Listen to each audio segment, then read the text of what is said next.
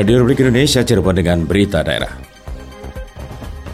Membatasi kegiatan tertentu dan pergerakan orang. Kalau lihat di Cirebon, kita sudah menutup empat ruas jalan ya, dari mulai Tuparep, Jalan Patahila, Dewi Sartika, dan juga tempat wisata di Situ Pato. Kedua, peningkatan antisipasi perkembangan eskalasi penyebaran COVID-19.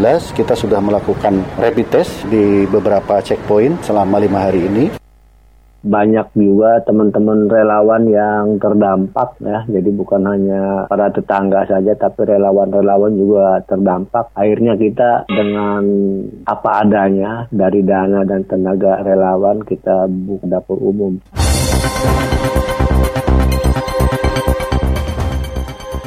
Sebelum kami antarkan keseluruhan rangkaian sehari Mas kami keseluruhan berita daerah pagi kami antarkan terlebih dahulu sehari berita. Di antaranya, Pembatasan sosial berskala besar atau PSBB di Kabupaten Cirebon dinilai efektif menekan persentase penyebaran virus corona. Komunitas Petakala Gerage Cirebon mendirikan dapur umum untuk membantu masyarakat yang terdampak COVID-19. Bersama saya, Piana Alwansah, inilah berita daerah selengkapnya.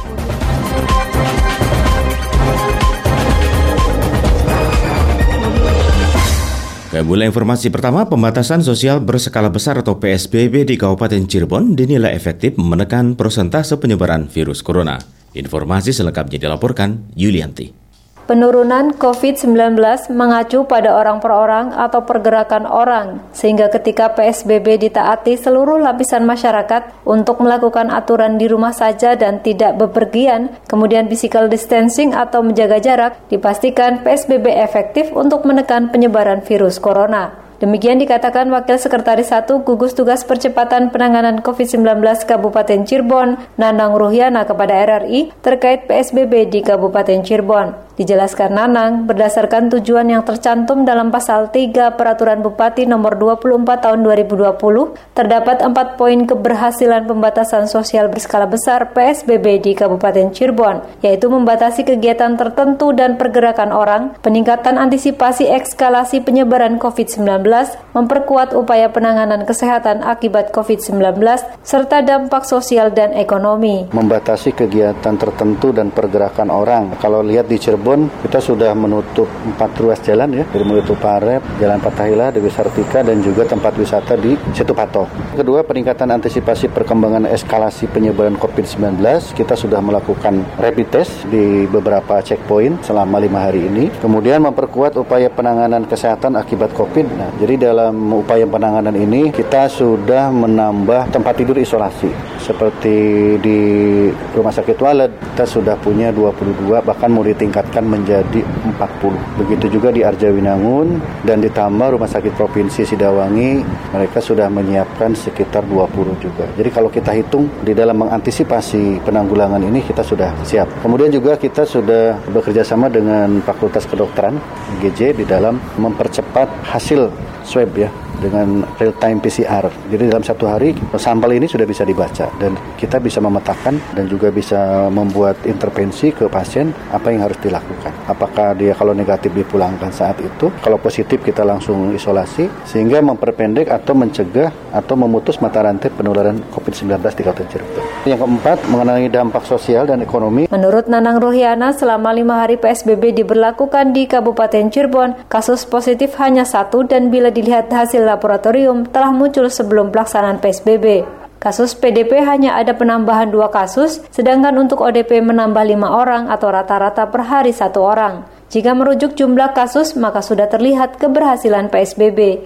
Ditambahkan, prosentase kasus hanya 2,9 persen yang positif COVID-19 dari jumlah kasus PDP, ODP, OTG, dan ODR yang ada di Kabupaten Cirebon dengan total sebanyak 242 kasus. Munculnya kasus COVID-19 di Kabupaten Cirebon terjadi lebih awal, yaitu di akhir Januari 2020 dan secara jumlah harusnya lebih banyak, tetapi justru kasus tidak berkembang. Hal itu tegas Nanang berbeda dengan kemunculan kasus COVID-19 di Bandung dan Jakarta yang merupakan epicentrum yang terjadi pada bulan Maret 2020, di mana jumlah kasusnya meledak. Dengan adanya kasus yang hanya sedikit, Nanang menghimbau kepada masyarakat Kabupaten Cirebon terus mendisiplinkan diri untuk di rumah saja dan menggunakan masker serta cuci tangan. Langkah pencegahan itu hendaknya dijadikan sebagai budaya baru dalam kehidupan masyarakat, termasuk mengelola dan melakukan pembatasan sosial berskala besar PSBB. Keraton Kesepuan bertanggung jawab atas dirumahkannya para abdi dalam akibat dampak corona. Selengkapnya, Lengga Ferdiansa melaporkan. Sebanyak 100 orang abdi dalam di Keraton Kesepuan Cirebon telah dirumahkan. Dari jumlah itu terdiri dari pemandu, petugas parkir, dan petugas karcis. Sedangkan bagi petugas kebersihan, keamanan, dan staf masih tetap mengabdi. Demikian dikatakan Sultan Sepuh ke-14 Pangeran Raja Adipati Arif Nata Diningrat kepada RRI. Dikatakan Sultan Sepuh dirumahkannya para abdi dalam berbarengan dengan penutupan operasional aktivitas keraton dua bulan lalu. Hal itu dalam rangka mendukung upaya pencegahan penyebaran corona sesuai himbauan pemerintah. Meskipun tidak ada kegiatan wisata, tetapi kegiatan-kegiatan tradisi yang biasa dilakukan oleh keraton kesepuhan masih tetap berjalan tanpa melibatkan orang banyak. Itu tanggung jawab Sultan, itu namanya paringan ya, bukan gaji, bukan honor, tapi paringan ya. Kita tetap kita berikan kepada mereka, karena kan kasihan tidak ada penghasilan kan gitu. Walaupun kita tidak ada pemasukan, dan itu tanggung jawab Sultan dan kita berikan gitu kita atur sedemikian rupa ya ala kadarnya supaya mereka tetap mendapatkan paringan ini. Ya mudah-mudahan sih tentunya ini tidak terlalu lama ya. Kalau lama sekali ya kita penting juga. Menurut Sultan Sepuh, operasional keraton akan dibuka kembali tanggal 23 Mei mendatang. Tetapi tergantung kondisi pembatasan sosial berskala besar PSBB saat ini. Jika Pemprov Jawa Barat dan Pemda Kota Cirebon memperpanjang masa PSBB kemungkinan penutupan operasional akan diperpanjang kembali. Tengah Ferdiansa melaporkan. Pasien terkontaminasi positif di Kabupaten Cirebon kembali bertambah satu orang. Informasi selengkapnya Muhammad Bakri melaporkan.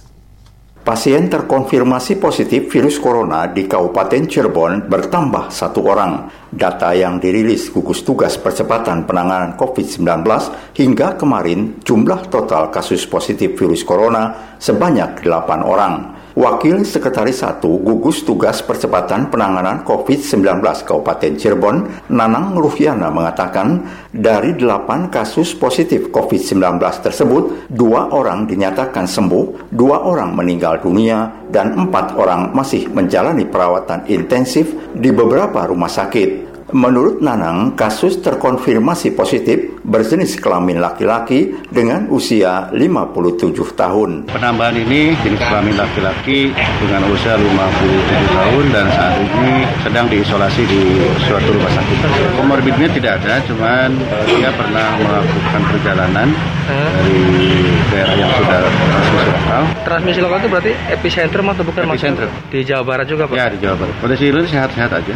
Rumah sakit sekitar lima hari. Awalnya dia panas, demam, kemudian didiagnosa penyakit DBD dan tipoid, tapi dari situ kemudian berkembang ya. dia juga ada lemasnya untuk mengucapkan rasa penasaran. Akhirnya dia direpit, hasil rapid reaktif dan dilanjutkan langsung swab. Hasilnya namun tegas Nanang Ruhiana, satu pasien terkonfirmasi positif virus corona yang sedang dirawat di salah satu rumah sakit di Kabupaten Cirebon dinyatakan sudah sembuh. Pasien tersebut dipulangkan kemarin. Ditambahkan Nanang, pasien yang sembuh itu sebelumnya telah dilakukan pemeriksaan swab dua kali berturut-turut dengan hasil negatif. Kesembuhan satu pasien positif virus corona, ungkap Nanang, secara otomatis menambah jumlah kasus terkonfirmasi COVID-19 yang sudah sembuh hingga saat ini menjadi tiga orang. Muhammad Bakri melaporkan. Komunitas Petakala Grage Cirebon mendirikan dapur umum untuk membantu masyarakat yang terdampak COVID-19. Informasi selengkapnya disampaikan Alek Sunardi. Komunitas Peduli Lingkungan Petakala Grage Cirebon mendirikan dapur umum sebagai bentuk kepedulian sosial kepada masyarakat maupun anggota Petakala Grage yang terdampak pandemi COVID-19. Dapur umum yang didirikan Petakala Grage dilaksanakan setiap dua hari sekali yang dimulai pada tanggal 10 Mei kemarin di mana anggarannya merupakan swadaya dari anggota maupun donasi dari pihak lain. Ketua Petakala Grage Cirebon, Dedi Majmu kepada RRI mengatakan pendirian dapur umum bertujuan untuk membantu dan meringankan beban masyarakat yang harus kehilangan pekerjaan dan mata pencahariannya akibat COVID-19. Ya ini lihat fakta di lapangan banyak teman-teman relawan pada mengeluh terutama di lingkungan sekitar. Banyak juga teman-teman relawan yang terdampak ya, jadi bukan hanya para tetangga saja tapi relawan-relawan juga terdampak terdampak. Akhirnya kita dengan apa adanya dari dana dan tenaga relawan kita buka dapur umum. Nah untuk dapur umum sendiri ternyata teman-teman punya ide tidak hanya nasi kotak yang akan dibagikan tapi kita juga akan support wedang dan jaburan ke checkpoint-checkpoint yang ada di Cirebon Timur. Dedi Mazmu menambahkan, selain pendirian dapur umum, Petakala Grage juga turut berkontribusi dalam upaya pencegahan virus corona corona, yakni dengan melakukan kegiatan penyemprotan disinfektan maupun pembagian masker bagi masyarakat di wilayah timur Kabupaten Cirebon. Alex Sunardi melaporkan. Saat ini Anda sedang mengikuti berita daerah Radio Republik Indonesia Cirebon. Pemerintah Kabupaten Cirebon menyalurkan bantuan beras sebanyak 42,4 ton untuk dapur umum di seluruh desa atau kelurahan di Kabupaten Cirebon. Ditambah dana operasional. Bantuan beras bersumber dari Bulog sedangkan dana operasional yang akan diberikan merupakan sumbangan sukarela aparat sipil negara atau ASN Provinsi Jawa Barat. Seluruh bantuan tersebut akan digunakan untuk mendukung gerakan nasi bungkus atau gasibu yang dikelola oleh pengurus PKK masing-masing wilayah. Bupati Cirebon Haji Imron mengatakan setiap dapur umum desa akan mendapatkan bantuan sebanyak satu kuintal beras dan biaya operasional sebesar satu juta rupiah. Menurut Bupati, seluruh desa di Kabupaten Cirebon yang berjumlah 420 desa semuanya membangun dapur umum dan membuat nasi bungkus. Gerakan ini untuk membantu kebutuhan makanan kepada masyarakat yang terdampak COVID-19, terutama warga yang menjalani isolasi. Sementara itu, Ketua PKK Kabupaten Cirebon Nunung Rosmini menuturkan adanya wabah COVID-19 dampaknya cukup dirasakan oleh masyarakat, termasuk di Kabupaten Cirebon. Menurutnya, COVID-19 bukan hanya berdampak pada kesehatan, namun juga pada ekonomi masyarakat akibat banyak aktivitas yang terhenti. Sehingga PKK menurut Nunung memiliki tanggung jawab untuk melakukan kegiatan sosial berupa gerakan nasi bungkus yang dilakukan seluruh pengurus PKK di Kabupaten Cirebon.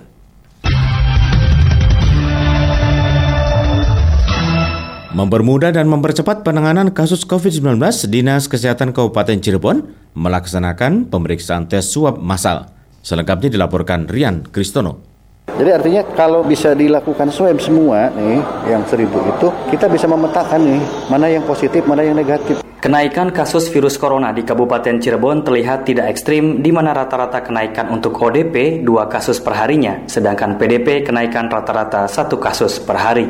Dari 40 kecamatan, terdapat 32 kecamatan yang terpapar PDP dan hanya 8 kecamatan yang sama sekali tidak ada kasus PDP. Kondisi tersebut menjadi perhatian Pemkap Cirebon untuk mempertahankan 8 kecamatan itu agar tidak terpapar PDP. Demikian diungkapkan Wakil Sekretaris 1 Gugus Tugas Percepatan Penanganan COVID-19 Kabupaten Cirebon, Nanang Ruhyana, kepada RRI. Dijelaskan langkah yang dilakukan untuk mencegah penyebaran COVID-19 dengan rapid test di pos checkpoint terutama pintu masuk ke wilayah Kabupaten Cirebon. Selama lima hari PSBB, pemeriksaan rapid test di pos checkpoint telah dilakukan kepada 600 orang dengan hasil non-reaktif. Selain itu, gugus tugas akan melaksanakan pemeriksaan tes swab massal yang ditargetkan 1000 orang. Untuk itu, Dinas Kesehatan Kabupaten Cirebon mempersiapkan kelengkapan yang dibutuhkan dalam pelaksanaan swab tes massal, di antaranya melaksanakan on-job training bagi 12 SDM agar terlatih untuk melakukan swab tes. Kita melakukan OJT terhadap petugas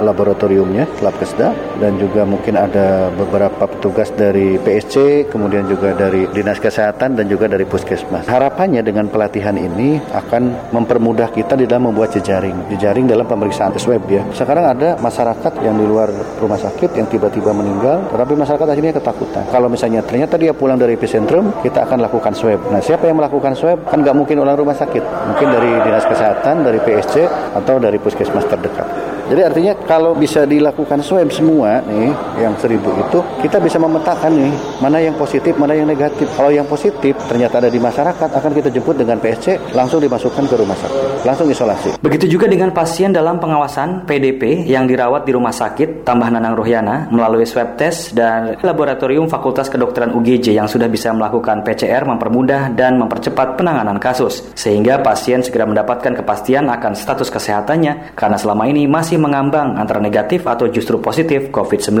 Menurut Nanang, pemeriksaan tes swab massal bersumber dari APBD Kabupaten Cirebon yang dilaksanakan hari ini tersebar di COVID Center, Puskesmas, Labkesda, serta di pos checkpoint. Rian Kristono melaporkan. Se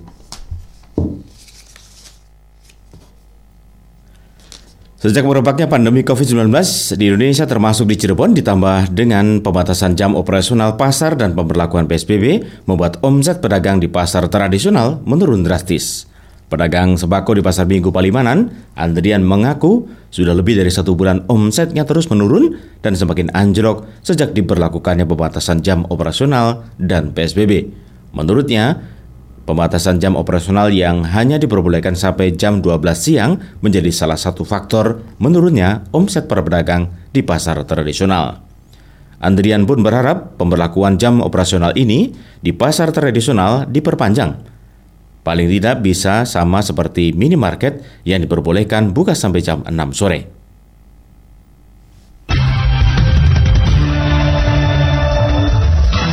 Sekian berita daerah, selamat pagi.